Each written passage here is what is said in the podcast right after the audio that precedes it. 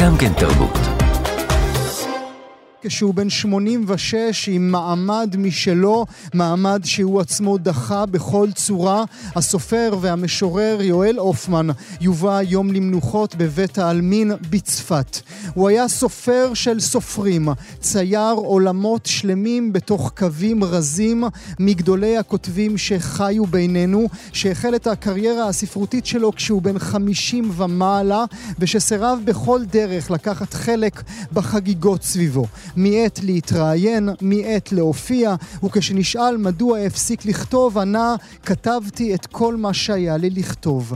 את השעה הקרובה נקדיש לזכרו של יואל הופמן, אחיינו ג'רמי הופמן, שבזכותו ראה אור בשנה שעברה קובץ סיפורים קצרים שגילה לנו שהופמן החל כבר לכתוב כשהיה בשנות ה-20 לחייו, יהיה איתנו. נדבר גם עם העורך שלו, הפרופסור יגאל שוורץ. כל מה שתכתוב אני אפרסם, הוא אמר להופמן בשיחת הטלפון הראשונה שלהם, על הפער בין האדם והמיתוס, וגם מי שחקרה את השפה של הופמן, שפה שהיו שבלבלו בינה לבין חוסר קוהרנטיות או מוזרות, וכתבה את הספר על יואל הופמן, הדוקטור טל פרנקל אלרועי תהיה איתנו.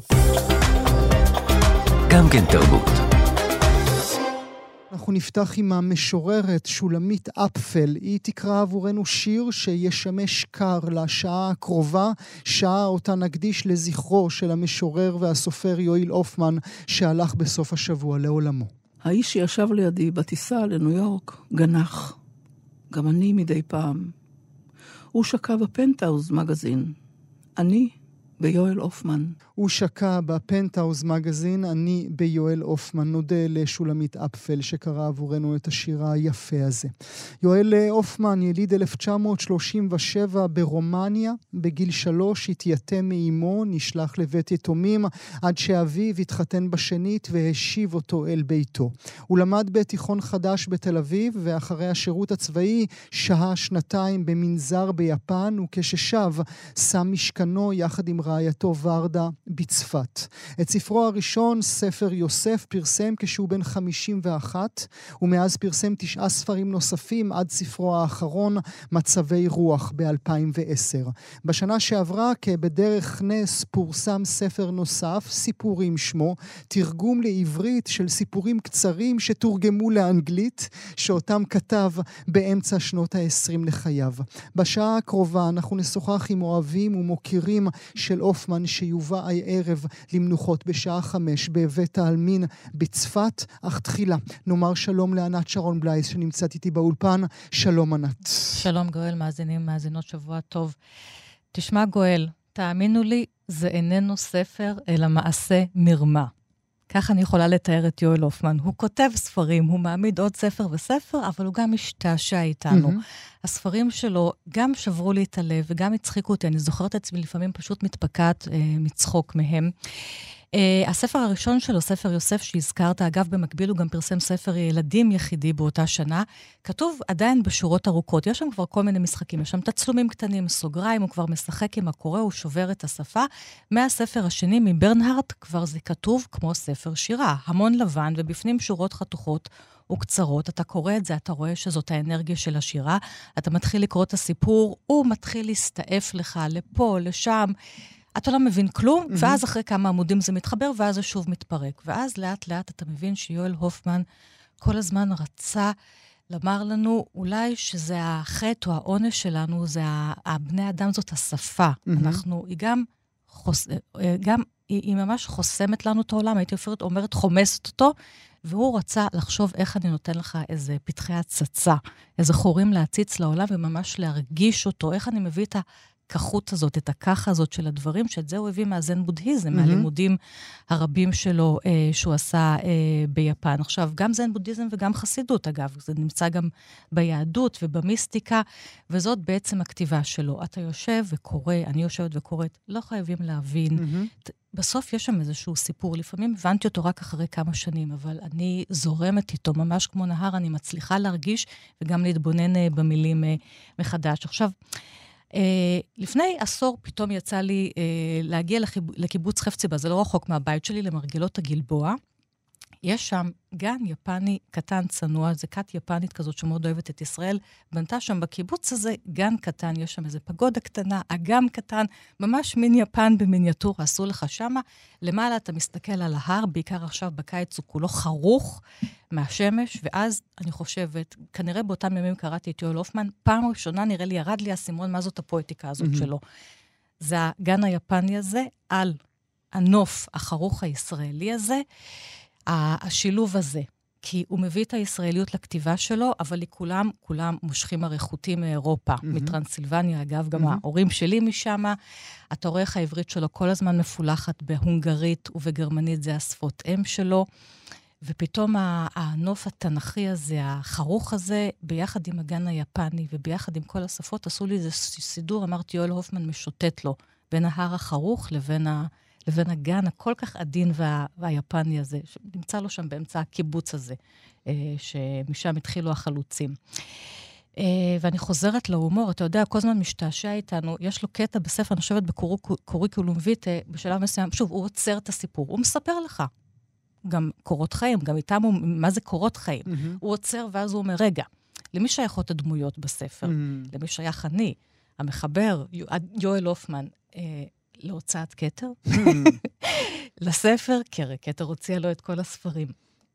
אה, אז הוא כל הזמן מבלבל אותנו, הוא משתעשע איתנו, הפרגמנטריות הזאת, אה, שלפעמים אולי גם כבר נראתה כמו איזה סידור, mm-hmm. או כמו איזה דף גמרא, mm-hmm. שלא, ושירה כבר אמרתי. ושוב ושוב, וכי תראה ציפור, תאמר ציפור, תראה אדם, תאמר אדם, וכך למרבה הזוועה, כותב יואל הופמן, עולם של סימנים יחסה את הדברים.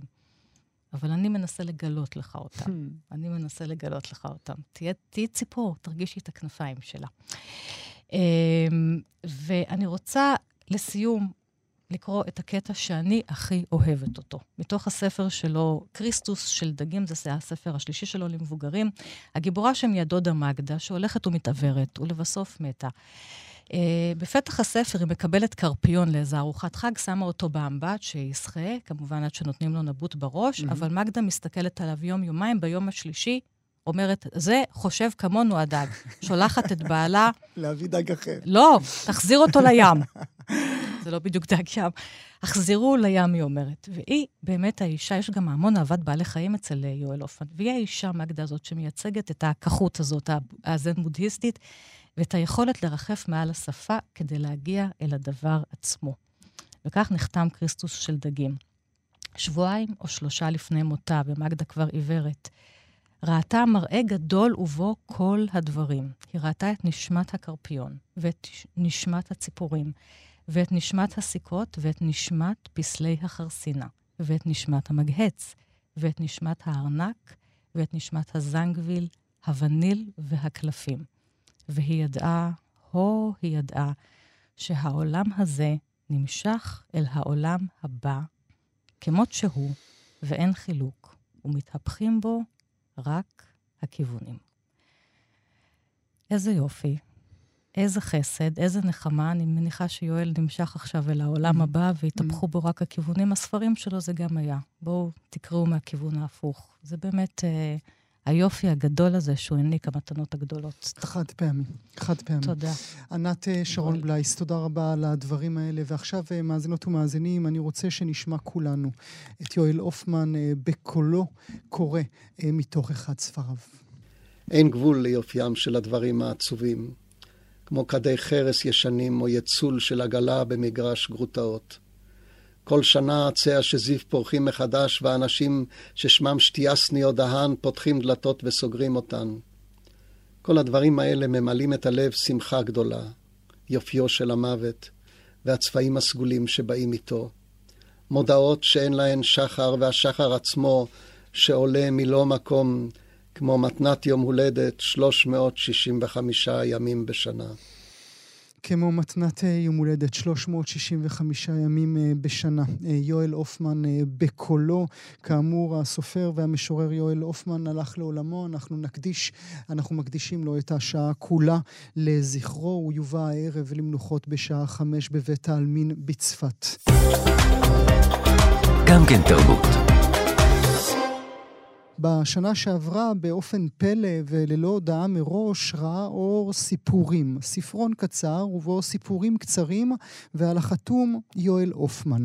מי שגילה את האוצר ובזכותו ראה אור הוא ג'רמי הופמן, אחיינו של יואל, בן משפחה קרוב, שגילה אותם בבית הגותי שבצפת. הם היו כתובים אנגלית, ובזכותו הם ראו אור. ג'רמי הופמן, בוקר טוב לך. כן, בוקר טוב, גואל.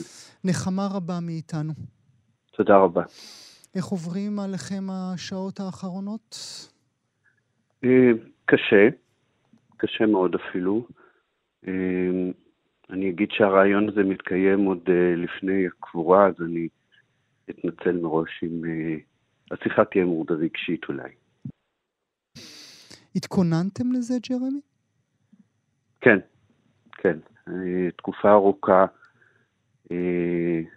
ידענו שיואל מכין את עצמו למעבר לעולם אחר. אה, הוא היה מאוד נוכח, הוא היה, הוא היה אפילו מאושר. אה, אני אספר שלפני ארבע שנים יואל כבר היה על סף פרידה מכולנו, וממש המשפחה הקרובה ביקשה ממנו שיישאר עוד קצת, והוא נענה לבקשה. אה, וזכינו, זכינו לארבע שנים אה, נוספות אה, מאוד יפות וטובות איתו. המשפחה הייתה מאוד מאוד מאוד קרובה אליו. הוא עד יומו האחרון מאוד היה אכפת לו מכל בן משפחה, מאוד דאג מה קורה אה, לבנו, אה, לאנשים סביבו, נכדיו. אה, הוא היה עטוף בחום גדול ובאהבה גדולה, ואנחנו זכינו להיות לצידו. זה קרה בבית, ג'רמי? זה קרה בבית, כן. הייתם שם איתו כולכם? אה, אה, בנו היה איתו, אה, אבל כל המשפחה הייתה סביבו בדרך כזאת או אחרת, כן. היו מילים אחרונות? לא. אמרת שהוא היה מאושר בדרכו בימים האחרונים. תנסה להסביר לי את זה, ג'רמי. ראשית, לשאלה של המילים האחרונות, אני, אני חושב שזה הכי לא יואל לומר מילים אחרונות. אני חושב שלא לומר מילים אחרונות זה יואל, וזאת, וזאת אמירה. וזה הכי משקף אותו, השקט שלא נדרש למילים נוספות. דווקא איש הדיוק הזה, כל כך נהדר. מה שאלת? שאלתי על האושר. עד כמה הוא היה מאושר בדרכו, כמו שאמרת. אני חושב שהוא היה נוכח. אמ, המושג אושר הוא כמובן לא היה מושג ש... שאנחנו דנים בו, שמעניין אותנו, אלא ההתבוננות בקיים, ביש, אה, במציאות ש... שלא עוסקת בנשגב, שלא מפרשת את עצמה, שלא מפרשת את המילים ואת הטקסטים ואת הספרים ואת הסופר. אנחנו לא יודעים מי זה היה יואל הסופר, וזה לא כל כך עניין אותנו, אלא בנוכחות בכאן ועכשיו, בכאב, ביופי, בצרכים, אה, ושם הוא היה, הוא היה, הוא היה מאוד נוכח. קיימנו המון המון שיחות על, על מה קורה ואיך קורה, וכולל אקטואליה, כולל הכל. ואני חושב ששם... לפחות כמו שאני, או שאנחנו כבני המשפחה מתרגמים את תפיסת המציאות שלו, אה, שם כנראה עמוק בפנים המצוי גרעין של, של שמחה או של אושר, אם תרצו. אתה אומר, אה, ג'רמי, אה, לא עניין אתכם אה, יואל הסופר. גם את יואל עצמו לא עניין יואל הסופר. תסביר לי את הפער בין המיתוס, הדרך בה אנחנו תפסנו את האיש הזה, שהתכנס בתוך עצמו ובתוך ביתו, לבין התפיסה שלכם אותו, ואולי התפיסה העצמית שלו את עצמו. אז, אז ראשית, אני מדבר פה כבן משפחה. אנחנו... אי, אי אפשר אי אפשר לראות את, את האדם כמו שהוא נתפס בעיני החברה או בעיני התרבות הרחבה יותר, או קוראיו או מעריציו, אנחנו לא, אין לנו שום יכולת לראות את נקודת המבט הזאת, ואנחנו בטח לא נתיימר. אני אישית לא מבין בספרות, ובטח לא יכול לקיים בשיחה הזאת שום, שום אספקט ספרותי של, של הכתיבה שלו, של העבודה שלו. אני כן יכול לומר שיואל אה, התייחס לכתבים שלו כדבר שנעשה ואין לדון בו. כלומר, כלומר, זה מה שיש. עליהם בשיחות mm. שלנו זה שהאיש שכתב, האיש שכתב כבר לא קיים. Mm. וכשפנו אליו, מטבע הדברים הוא קיבל המון פניות, כן, המון אנשים רצו לפגוש אותו, לדבר איתו, לראיין אותו, אה, כתבו מאסטרים ודוקטורנטים וכולי. הוא התייחס אל, ה, אל, ה, אל הכתיבה כמעשה עשוי. המושג של התרחקות, אני, קשה לי מאוד לקבל אותו.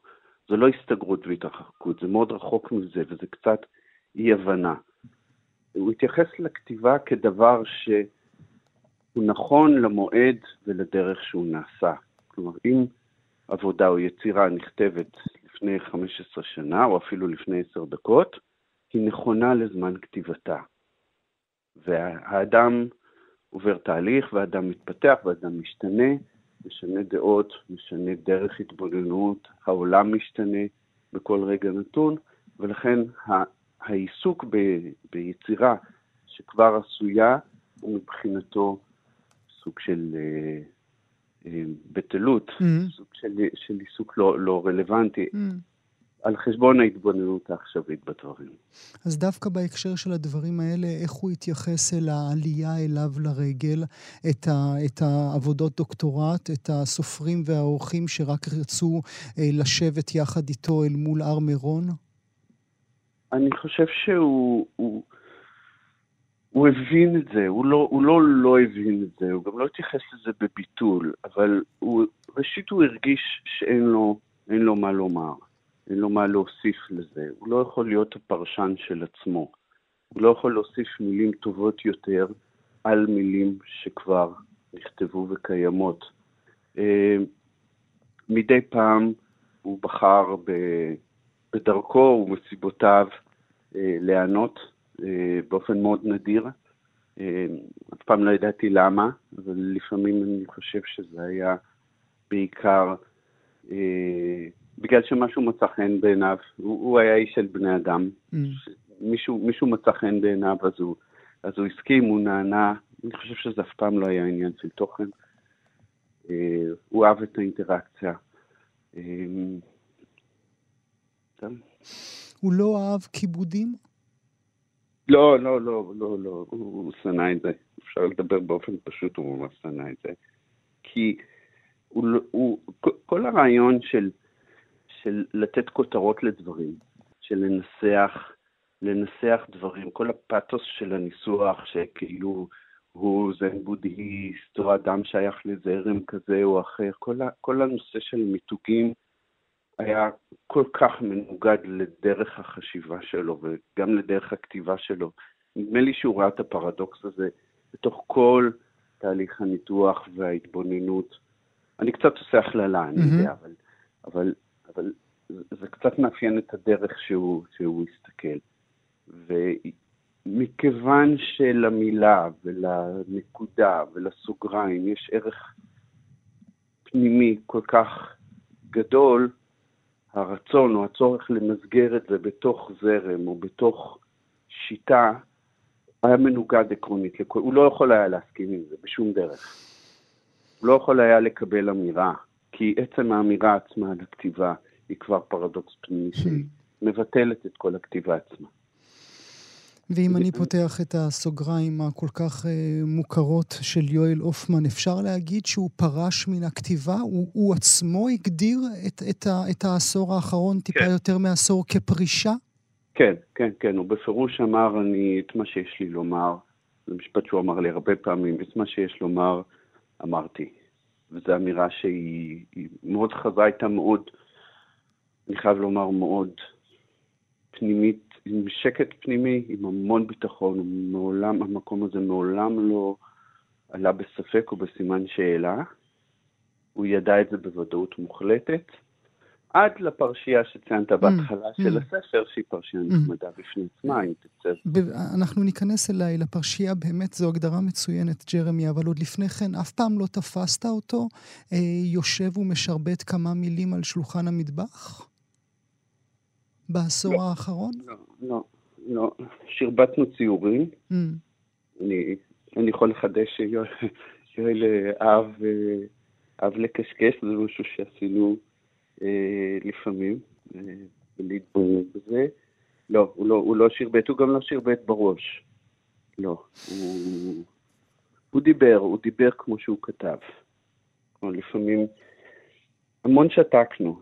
חלק, חלק גדול מה... Mm-hmm. לפחות אני קצת פה בחוויה אישית יותר, אבל חלק, חלק גדול מהזמן שבילינו ביחד, עלינו לקפה קצה הנוף בעמוקה. Mm-hmm.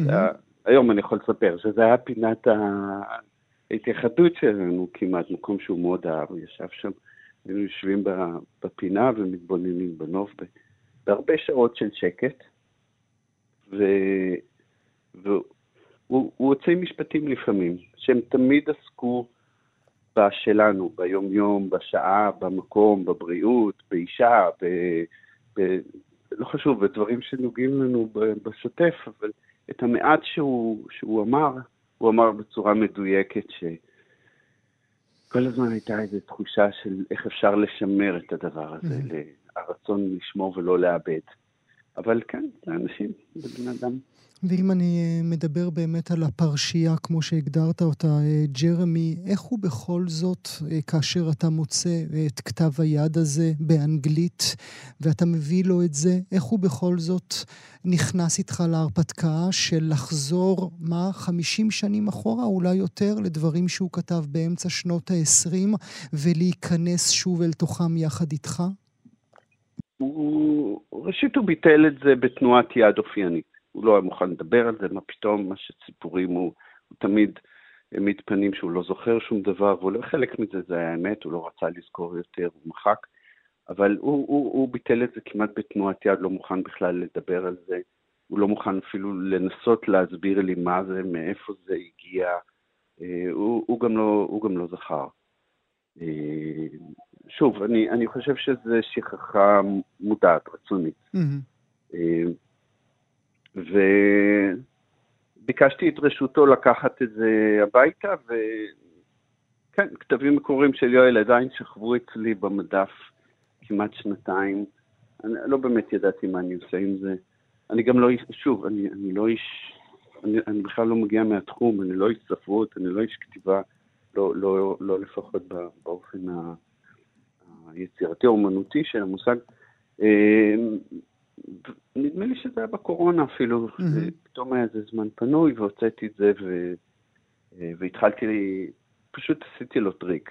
פשוט ישבתי לתרגם את הכל, ועליתי אליו יום אחד לצפת ושמתי את כל התרגום על השולחן ואמרתי, יואל, תרצה או לא תרצה, הנה הכל מתורגם, בוא נעבוד על זה, בוא נדבר על זה. והוא ככה ביטל כמו שצפיתי, ו... אבל הרים, את, ה... הרים את, ה... את הנייר, ו...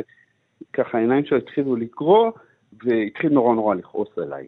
כאילו, מה, איך אתה כותב ככה, ולמה המילה הזאת? ו, ו, ומבפנים התחלתי לחייך, כי הבנתי שהוא mm. בכל זאת פתאום נפתח לרעיון, ו, ומשם, טוב, הכל כבר כתוב, אבל פשוט בילינו שעות, עשרות או, או מאות שעות ביחד לעבור מחדש על הטקסט, mm-hmm. כל הזמן, כל הזמן כעס עליי, למה בחרתי במילים, אני אומר במובן הטוב, כן, mm-hmm. שינה את כל...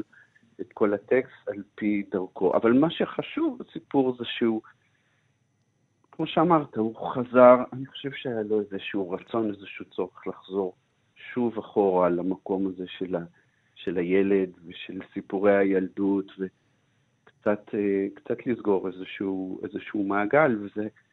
התהליך עצמו הוא היה הדבר הזה, ואולי לנסח את עצמו, יגאל שוורץ כותב את זה יפה mm-hmm. בסוף. העורך, אה, אני אתן גם קרדיט פה ל... אה, ליערה שחורי, שגם עברה בתוך, בתוך התהליך הזה, אבל יגאל כותב, כותב מאוד יפה, הוא אומר, אה, אה, יואל ניסח את עצמו מחדש, mm. יואל, יואל כתב אחרת, זה היה יואל ש, שמתבונן בזה, אולי קצת משיל מעצמו את כל היואל הופמניות הזאת, שהיא קצת, קצת כבדה, וקצת חזר למשהו בסיס, זה תהליך ההתפתחות שלו. הוא כבר פחות היה צריך את, ה... את האופמניות הזאת, אה, לפחות כמו שהיא נתפסת? כלפי חוץ, כן.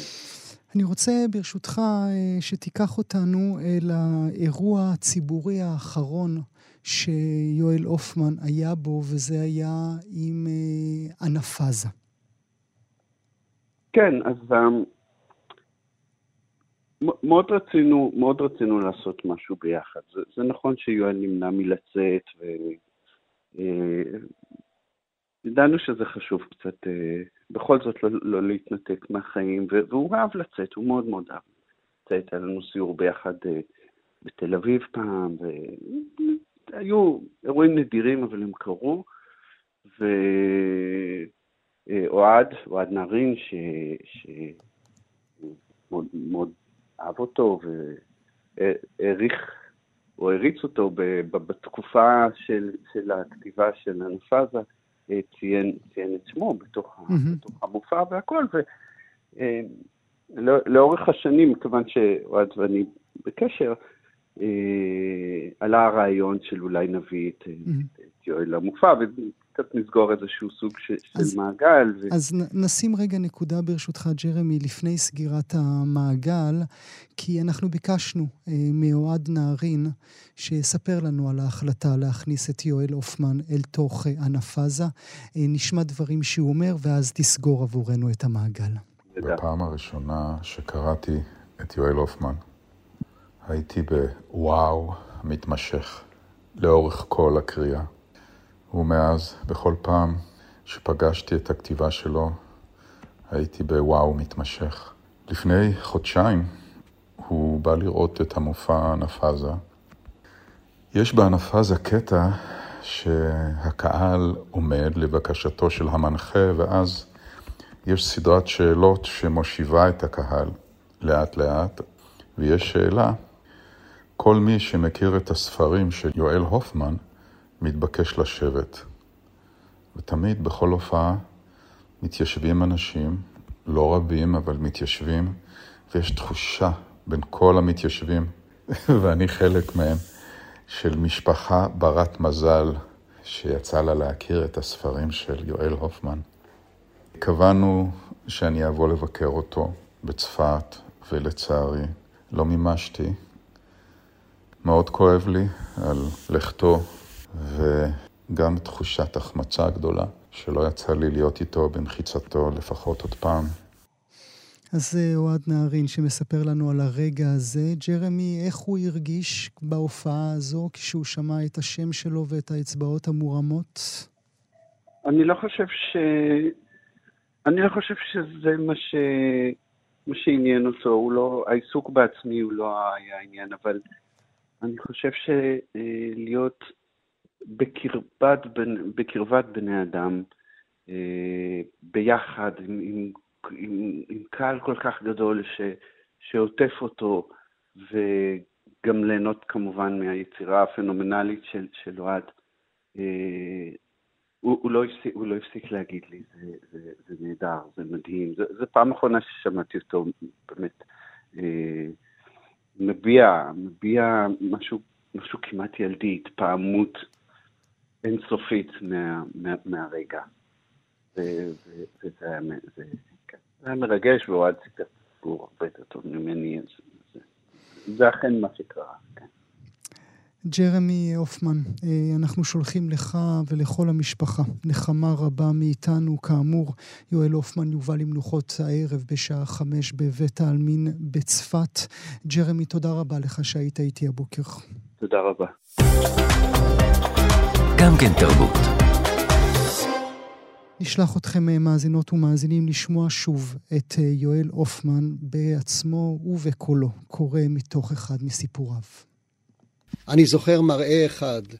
אהרון צא לבן אומר, בדק הבית, ואימי מחפץ מצביעה. אהרון צא לבן, המורה לתנ"ך, מת ביום שנחתו על הירח. ימימה חפץ התחתנה והתגרשה והתחתנה שנית, והלכה מרמת גן לרעננה, ומשם הלכה למישיגן שבארצות הברית, וחזרה לדיזנגוף, שם הניפה שוב את היד שהניפה אז, ואמרה רמונט. רמונט, כך יואל הופמן אה, בקולו. אני רוצה לצרף עכשיו אה, לשיחה שלנו את חברו של הופמן, ששימש גם כעורך הספרותי שלו, הפרופסור יגאל שוורץ. בוקר טוב לך. בוקר טוב, גורם. תודה רבה לך, פרופסור שוורץ. עוד לפני שנתחיל, אם תרשה לי רק גילוי אה, נאות למאזינות והמאזינים שלנו, אתה גם ערכת את ספרי האחרון. נשים את זה על השולחן ונזיז את זה הצידה. בגאווה רבה. תודה רבה, פרופסור שוורץ. אה, מתי הייתה שיחת הטלפון האחרונה שלכם? אני יודע שדיברתם לפחות פעם, פעמיים בשבוע.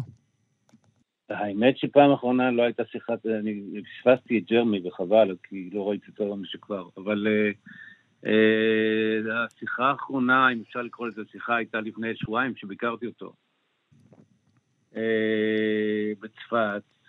באמת שרציתי לבוא עם עוד מישהו, אבל אה, יותם, בנו שמטפל בו במסירות, אה, ביקש ממני לא לבוא עם אה, מישהו שהוא לא מכיר, כי זה מכביד עליו. ואולי שלושה שבועות, הוא היה במצב לא טוב.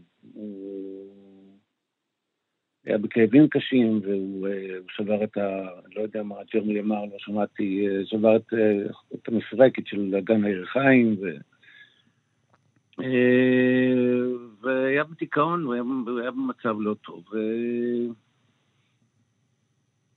כן, כן, כל החיים שלו, כמו שאתה יודע, לא בדיוק היו... אה, גם שש שנים, אני לא יודע מה, מה הביטוי הזה בדיוק אומר, אבל אה. עד כמה באמת הפרופסור אה, שוורץ, ילדותו, ובעיקר בשנים האחרונות, כשהוא איבד שניים מילדיו, גם הבן תומר שנהרג בתאונת דרכים, וגם הבת יסמין שנפטרה ממחלה, עד כמה זה היה, עד כמה זה ישב לו, עד כמה זה עצר את הכתיבה שלו? השואה עומדת ברקע, אבל היה קודם דיכאון, והוא כאילו לא היה צריך את השואה בשביל מה שקרה, זה בדיוק כמו שהאיש אה, השני שמשתתף באופן פעיל מאוד במוסף הארץ, דן מירון כתב פעם על קצטניק שהשואה התאימה לו כמו, כמו כפפה ליד. זאת אומרת, יש גבול. כל השמאלנים היפי נפש, אה, אה, שומרי ה... לא יודע מה, או לא שמאלנים, תקחו קורה מבין עיניכם, באמת, אחד האנשים ה... קודם כל, האיש הכי חכם, הכי מדויק והכי מקורי שאני הכרתי. והכרתי כמה אנשים חכמים, מדויקים ומקוריים. ואתה יודע, מין, קצת כבוד. עכשיו, זה מסורת כבר, זה כבר עוד אחת מהמסורות האיומות אצלנו בתחום הספרות, שמישהו מת, וישר מישהו אומר, כן, הם כולם אומרים, היו חברים שלו, לא היו חברים שלו, רוצה, אני אה, דן מירון, אני בני ציפר, אני זה, הוא בכלל לא כל כך היה חשוב, הוא בכלל לא היה כל כך זה, כל...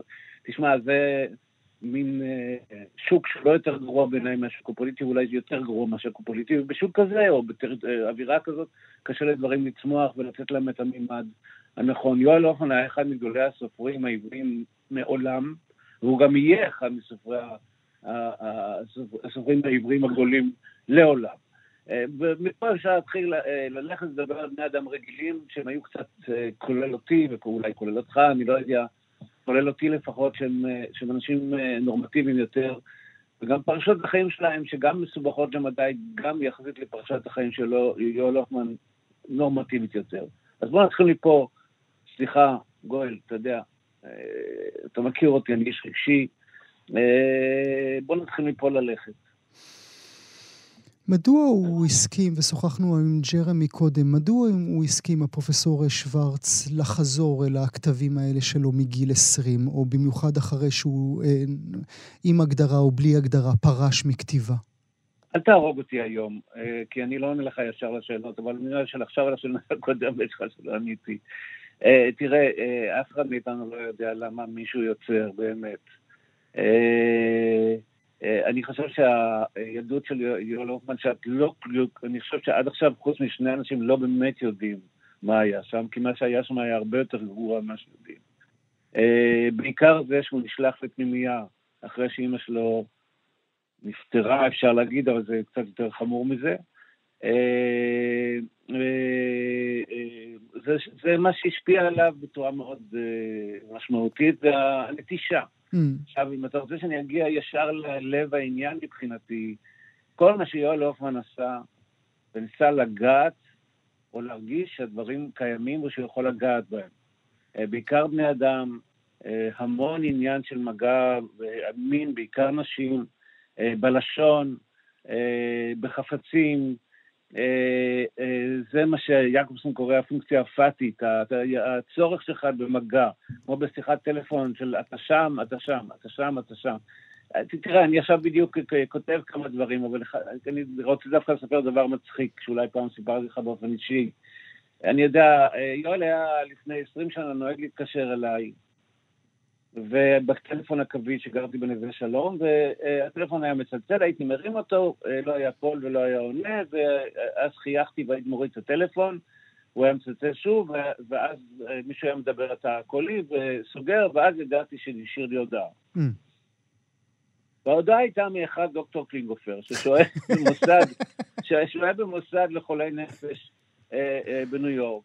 והדבר היחיד שמעניין אותו בעצם זה, אה, אה, הוא מתלבט בין איזה פתרון של שאלה בסוגיה ש, שקשורה לויטקינשטיין המוקדם, לבין השד של האחות הראשית, שנראה לו בצורה מסוימת הרבה יותר מעניין מהשאלה ויטקינשטיין. והוא מדבר עם uh, מישהו אחר שאמור להיות אני, שהוא כמובן לא מדבר איתי, הוא מדבר עם עצמו בדיאלוג מונולוגי, או במונולוג דיאלוגי, ואני דוקטור מורגר שמאושפז פעם באברבנל, פעם במקום אחר בירוש, בירושלים, כל מיני מקומות, וזה, והכל כמובן מבטא, לא כמובן, באנגלית אה, משובחת, ותשמע, הבן אדם ידע אנגלית, סין ויפנית ברמה שרוב האנשים לא יודעים אפילו שפה אחת. אה, אה, בשיחה בין שני משוגעים, שאחד מדובב את שניהם, מצחיק עד דמעות. כל, כל שבועיים או שלושה הוא היה משאיר לי הודעה כזאת, סוגר את הטלפון, ואני הדחתי את זה שומע. זה, זה יואל הופמן, אתה מבין, עם המון דברים מהסוג הזה. לצד ה... לצד הזה הוא אמר לי לא פעם ולא פעמיים, וגם בשנה, שנתיים האחרונות, שהוא נולד עם המוות כמו חבר, שהוא לאט לאט היה צריך להתיידד איתו. אה, או איכשהו לסבול את קיומו. ו... ועוד בעניין הזה, אם אתה רוצה, אני, יש לי מצווה שלמה על יואל הופמן, זה רק צריך להפסיק אותי. אה, אתה יודע, עוד דבר שהיה לי קשה איתו זה שכל הזמן קישרו אותו לעניין הזה של הבודהיזם ולהתקפות mm-hmm. והקליפות, mm-hmm. ו, ו... אבל אני מכיר את, אני הכרתי את האיש הזה 40 שנה. וכולל כל מיני דברים, פעם אחת, כמעט, אני יודע מה, קצת חזר בתשובה, כאילו, אבל בסופו של דבר הוא אדם מאוד מאוד שחקן. ומה שמשך אותו בתרבות היפנית, משך אותו, לעניות דעתי, הענייה, כן? אני לא בני ציפר ולא דן מירון. אה, זה החיבור ה... בין המוות לאסתטיקה. Mm. בהם משהו שמצד אחד היה מאוד מסודר, שמאוד עבד עליו, ומצד שני לא היה אנרכיסט כמוהו בעולם, שפרע כל דבר.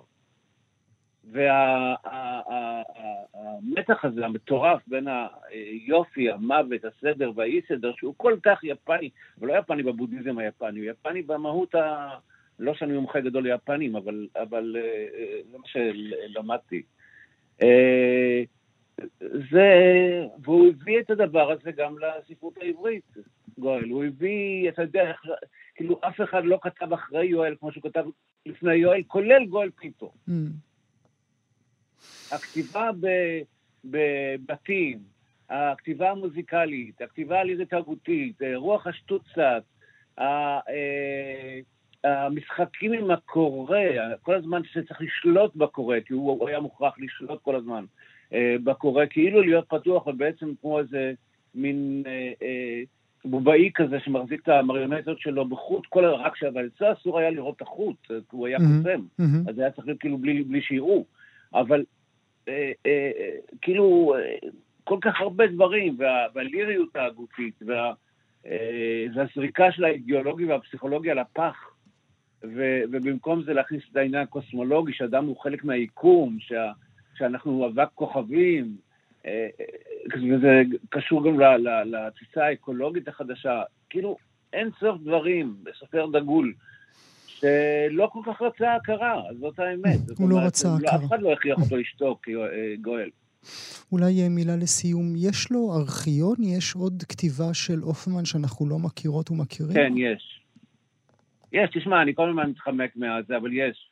תראה, הוא עשה, אה, אתה יודע, אני לא יכול, לך קשה להסתרב לענות לשאלות, אבל הוא עשה פעם, בתאריך מסוים מאוד, באפריל, טקס שרפת ארכיון שהוא הזמין אותי אליו, ואני סירבתי לבוא. והוא רק הוא היה שם, וה... והיה לו איזה רב אחד שאני מתעב, אבל אני חושב חסור עליי, ו... ונורית המסכנה, אשתו צילמה את זה מהבית, ושלחה לי תמונות, ו... אה, אבל היא הצליחה להציל כמה דברים, ויש אה, עוד דברים. מתי היה הטקס. מתי היה הטקס, יגאל? אני יכול לבדוק, נדמה לי ב-30 באפריל. האחרון. כן. ב-30 באפריל הוא עשה שריפה אה, מדורה עם הכתבים שלו? אני צריך לבדוק את התאריך, לא ייקח לי הרבה זמן, אבל כן. הוא עמד בחוץ ב... עוד שנה שעברה, אני חושב, לא של השנה. לא, אני בטוח, לא חושב. בשנה שעברה, הוא, הוא, יש, יש ליד הבית שלהם במעלות מין חצר קטנה כזאת, החצר הקטנה, אה, הוא הרים את כל הדברים, אחרי שהוא עשה הם היו בתוך קרטונים, היא הצליחה לשמור למשל על מחברת החלומות שלו, ש, mm-hmm. ש, שרואים בפירוש, הוא קם בלילה וכותב, זה לא רק מספר שזה mm-hmm. ככה, אלא באמת ככה. אה, טוב, אני מקווה שאף אחד לא יתלה אותי על האינפורמציה הזאת, אבל זה בסדר, והוא גם התיר לי, אפילו בכתב, אה, לפרסם אה, אה, כל דבר אחרי שהוא, אחרי שהוא ימות. אז, אז יש דברים שאתה מכין לנו, הפרופסור שוורץ? תגיד לי עוד פעם אחת, פרופסור שוורץ, אני לא בטוח שיהיה לכם מי לדבר עוד פעם. די כבר. אתה מכין עוד דברים, יגאל? יגאל. יש, על, יש בקנה? אתה מוכרח לעזור לי קצת להתבדח, כי זה יום רע. Mm. אה, כן, יש דברים, אבל אני לא חושב שזה העניין. תראה, את המסה הקריטית של הכתיבה שלו הוא כתב. האיש הזה ידע בדיוק מה שהוא עושה. הוא בספר האחרון שלו, לא זה שאנחנו הוצאנו אחרי, mm-hmm. סליחה, לא הספר סיפורים, אלא אה, במצבי רוח, הוא mm-hmm. כתב, זה הספר האחרון שאני אכתוב. כן. וכנראה שאני אכתוב. וזה סוף המגנוס אופוס שלו, וזה מה שהוא רצה. דברים אחרים, לא היה לו כבר אולי כוח להגיד לא, לא היה לו כוח להגיד כן, הוא גם לא היה כל כך מבסוט, זה טוב לחוקרים וטוב זה, אבל זה, אה, זה כבר, אה, אתה יודע, הוא עשה את ה... אתה שואל אותי עוד שאלה שאתה לא שואל אותי? אה, ברנארד זה הפסגה הגבוהה ביותר של היצירה שלו, mm-hmm. כל היצירה שלו חשובה, אבל כך גם הוא חשב. יגאל שוורץ, אני רוצה להודות לך על השיחה הזו, ונחמה רבה מאיתנו כולנו כאן. לכולנו. תודה, יגאל. תודה, יגאל. גם כן תרבות. קשים לפענוח או מוזרים, ככה לפעמים הגדירו מבקרים, כמו גם קוראים את הכתיבה של יואל הופמן. הכל מתחיל ומסתיים בשפה שלו, בשפה של יואל הופמן, שלא היה דומה לה, נמוכה וגבוהה כאחד, ישירה ומסתורית, פילוסופית וארצית, הכל הכל ביחד. מי שחקרה את שפתו היא האוצרת, הדוקטור טל פרנקל אלרועי, שפרסמה את הספר, הספר על יואל הופמן, שיצא בהוצאת רסלינג לפני מספר שנים. בוקר טוב לך. בוקר טוב. תודה רבה שאת נמצאת איתנו הבוקר. עוד לפני הכל אשאל אותך, מה הוא חשב על הספר שלך, דווקא בראי הדברים שאנחנו מדברים כאן בשעה האחרונה, על אה, אה, חוסר הסימפתיה שלו לכיבודים, או חוסר הסימפתיה שלו לשיח גבוה על הכתיבה שלו? אה, מצחיק שאתה שואל את זה, כי יש לי את זה במקרה בדיוק מול העיניים, את הדברים שהוא אמר לי אחרי ששלחתי לו את הספר. אה, אני רק אגיד שלאורך השנים, אני חוקרת את הופמן כבר בערך 30 שנה, מהפעם הראשונה שנתקלתי בטקסט שלו שזה קץ חן, ולאורך השנים מאוד נמנעתי מלהתקרב אליו, זאת אומרת, דווקא לא חיפשתי את קרבתו, כי חששתי שזה יבלבל אותי. אה, ובשתי פעמים בלבד אה, נתתי לו לקרוא דברים שכתבתי. אז הפעם השנייה באמת הייתה הספר, אה, שלאחריו נפגשנו כמה פעמים ונוצר בינינו קשר חברי. והוא אמר דברים שנאמרו היום בשיחה פה גם. מצד אחד הוא אמר, הספר מאוד מאוד מדויק. הוא קרא לזה, זה הספר האחרון. כאילו, אם היה צריך להיכתב איזשהו ספר, זה הספר הזה. אבל מצד שני, הוא כאילו לא רוצה לדעת מה כותבים עליו, וגם בפעמים שנפגשנו, וזה היה מין קונפליקט כזה, הוא לא רצה לדבר על יואל הופמן הסופר. Mm. הוא רצה להיות יואל הופמן האדם, ואני mm. מאוד מתחברת למה שיגאל אמר עכשיו לגבי החיפוש של יואל את המגע עם העולם, עם השפה, עם החפצים, כי כמו שאתה יודע, אני עברתי אחר כך מאוניברסיטת בן גוריון לבצלאל, ובעצם הלכתי בעקבות באמת התשוקה הזאת שלו בלי לדעת לקרוא לה במילים. עברתי, אה, אני לא אגיד שעברתי מעולם המילים לעולם החפצים, כי אני מחברת את שני הדברים ביחד, אבל בהחלט הייתה לו השפעה גדולה. אה, אני אגיד במילה שהטקסט הראשון ששלחתי לו לפני כמה שנים, על הוורסיה הראשונה של הפרק שנקרא השרלטנות של המחבר המובלע, mm. אה, הוא חזר אליי, הוא, אני זוכרת שלחתי את זה בפקס, עוד היה אז פקס, אה, והוא חזר אליי, ממש תוך דקה הוא התקשר אליי, והוא אמר לי, אה, אני כתבתי לי, אז הוא אמר את המילים האלה, הדברים זעזעו אותי, לא פחות, הדברים על המחבר המובלע. אני לא יודע אם להודות לך או לכעוס עלייך. Mm. אני מעדיף לשכוח את זה, זה מכאיב מדי, וואו. זה אכזרי. והוא אמר, מעולם לא כתבו עליי משהו שנגע בי כל כך. אז, אה, אז, אז אני מרגישה שיש לי את האישור לזה שבאמת זיהיתי שם משהו במנגנון הזה, ובאמת החיפוש שלי mm-hmm. היה אחרי המנגנון שלו, אבל אני חושבת שכמו שאני פחדתי ממנו, במידה מסוימת כנראה הוא פחד ממני. או בכלל, או בכלל מהכותבים אודותיו. אה, אמרת את המילה מנגנון. יש כותרת למנגנון, לשפה של הופמן? מנגנון הכתיבה של הופמן? תראה, אפשר אה, קודם כל להסתפק בכותרת אחת וכבר לחתור אה, נגד אה, המנגנון של יואל הופמן, כי באמת, כמו שנאמר פה הרבה היום לפניי, הופמן כל הזמן בודק את השפה מכל כיוון, מה יש מלפנים ומאחור, וואנס קראנו למשהו בשם אחד, כבר יצרנו את הבלוק המכסה הזה, mm-hmm. את השפה כסוג של כיסוי על העולם. אה, אז אני קראתי למנגנון הזה בשמות שונים. אה, שם אחד לדעתי זה יואל הופמן, ולכן קראתי כן, לספר הספר כן, על יואל הופמן. כן. וכשאני אומרת יואל הופמן, אני לא מתכוונת לאדם בשר ודם שנפטר לפני יומיים לכאבנו כולנו, אלא אני מתכוונת לאיזה פרסונה כזאת שקוראים לה יואל הופמן, mm-hmm. והיא כל הזמן נכנסת ויוצאת שם מהספרים. אה, ואחת הטענות שלי בספר זה שבעצם אתה יכול לקרוא כל אחד מהספרים בנפרד, אבל אתה מבין לאור הקורפוס כולו, ואני לא מכירה אף סופר שכל הקורפוס, כל גוף הספרים שלו הוא למעשה, הוא למעשה גוף אחד. את הקול המדבר בספרים שלו אפשר להבחין רק אם קוראים את כל הספרים שלו, פתאום מתחילים לזהות אותו. Mm-hmm. אה, ואני רוצה להגיד את זה גם אפרופו אם מסתכלים על הספרים, וזה גם מחזיר אותנו לעניין החפצים והחומר. החפ... הספרים מאוד מאוד דומים אחד לשני. אה, מעל ספר יוסף, כל הספרים כתובים בפרגמנטים, mm-hmm. כל הספרים ממוספרים באופן mm-hmm. כזה או אחר, כל הספרים כתובים רק מצד שמאל של העמוד. נכון. ההתערבות של הופמן, או לא אגיד ההתערבות, ה... המחויבות של הופמן היא לא הייתה רק לתוכן, כמו שאנחנו mm-hmm. רגילים אצל סופרים כמו עמוס אוזו. היא הייתה לחומר, mm-hmm. היא הייתה לצורה. Mm-hmm. זאת אומרת, הוא היה אה, מעורב בבחירת התמונה של, של הכריכה, הוא היה מעורב בעימוד, הוא היה מעורב בהחלטה של איך טקסט עובר מעמוד לעמוד. עכשיו, הטקסטים לא, לא מועמדים כמו עמוד רגיל, כולנו מכירים את זה. זה לא לקחת תוכן ולשפוך אותו לתוך ספר, אלא זה לייצר חפץ. להיות אה, יואל הופמן.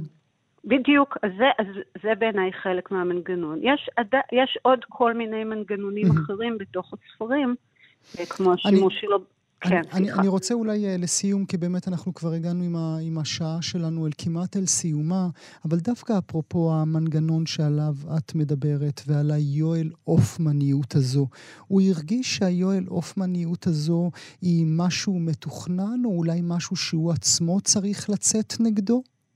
אולי העמדת פנים, אני עושה את מה שנדמה אה, אה, לי שאתם ת, ת, תהללו או אתם תכתירו כגאוני? לא, זה ממש ממש לא נראה לי, אם כי הוא בהחלט שיחק מאוד עם עולם הספרות ועם הסגנון הריאליסטי ועם השאלה מהם הקונבנציות שלנו.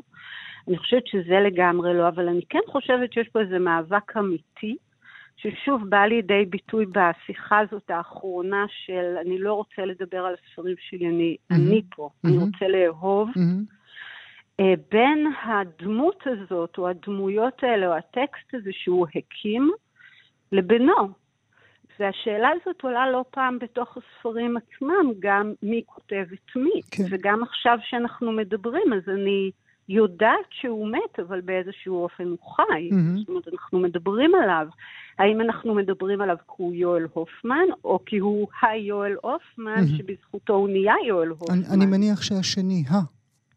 כן, ו- וזה היה מאבק mm-hmm. כואב לדעתי. עבור, עבורו, כן. כן, זאת אומרת, אני, אני יוצר מתוך הצורך שלי ליצור, אבל היצירה היא, היא אה, יורשת את מקומי באיזשהו, mm, באיזשהו mm. אופן.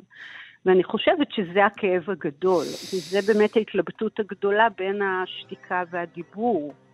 אולי גם בגלל זה הוא הפסיק, דרך אגב. כן, כן.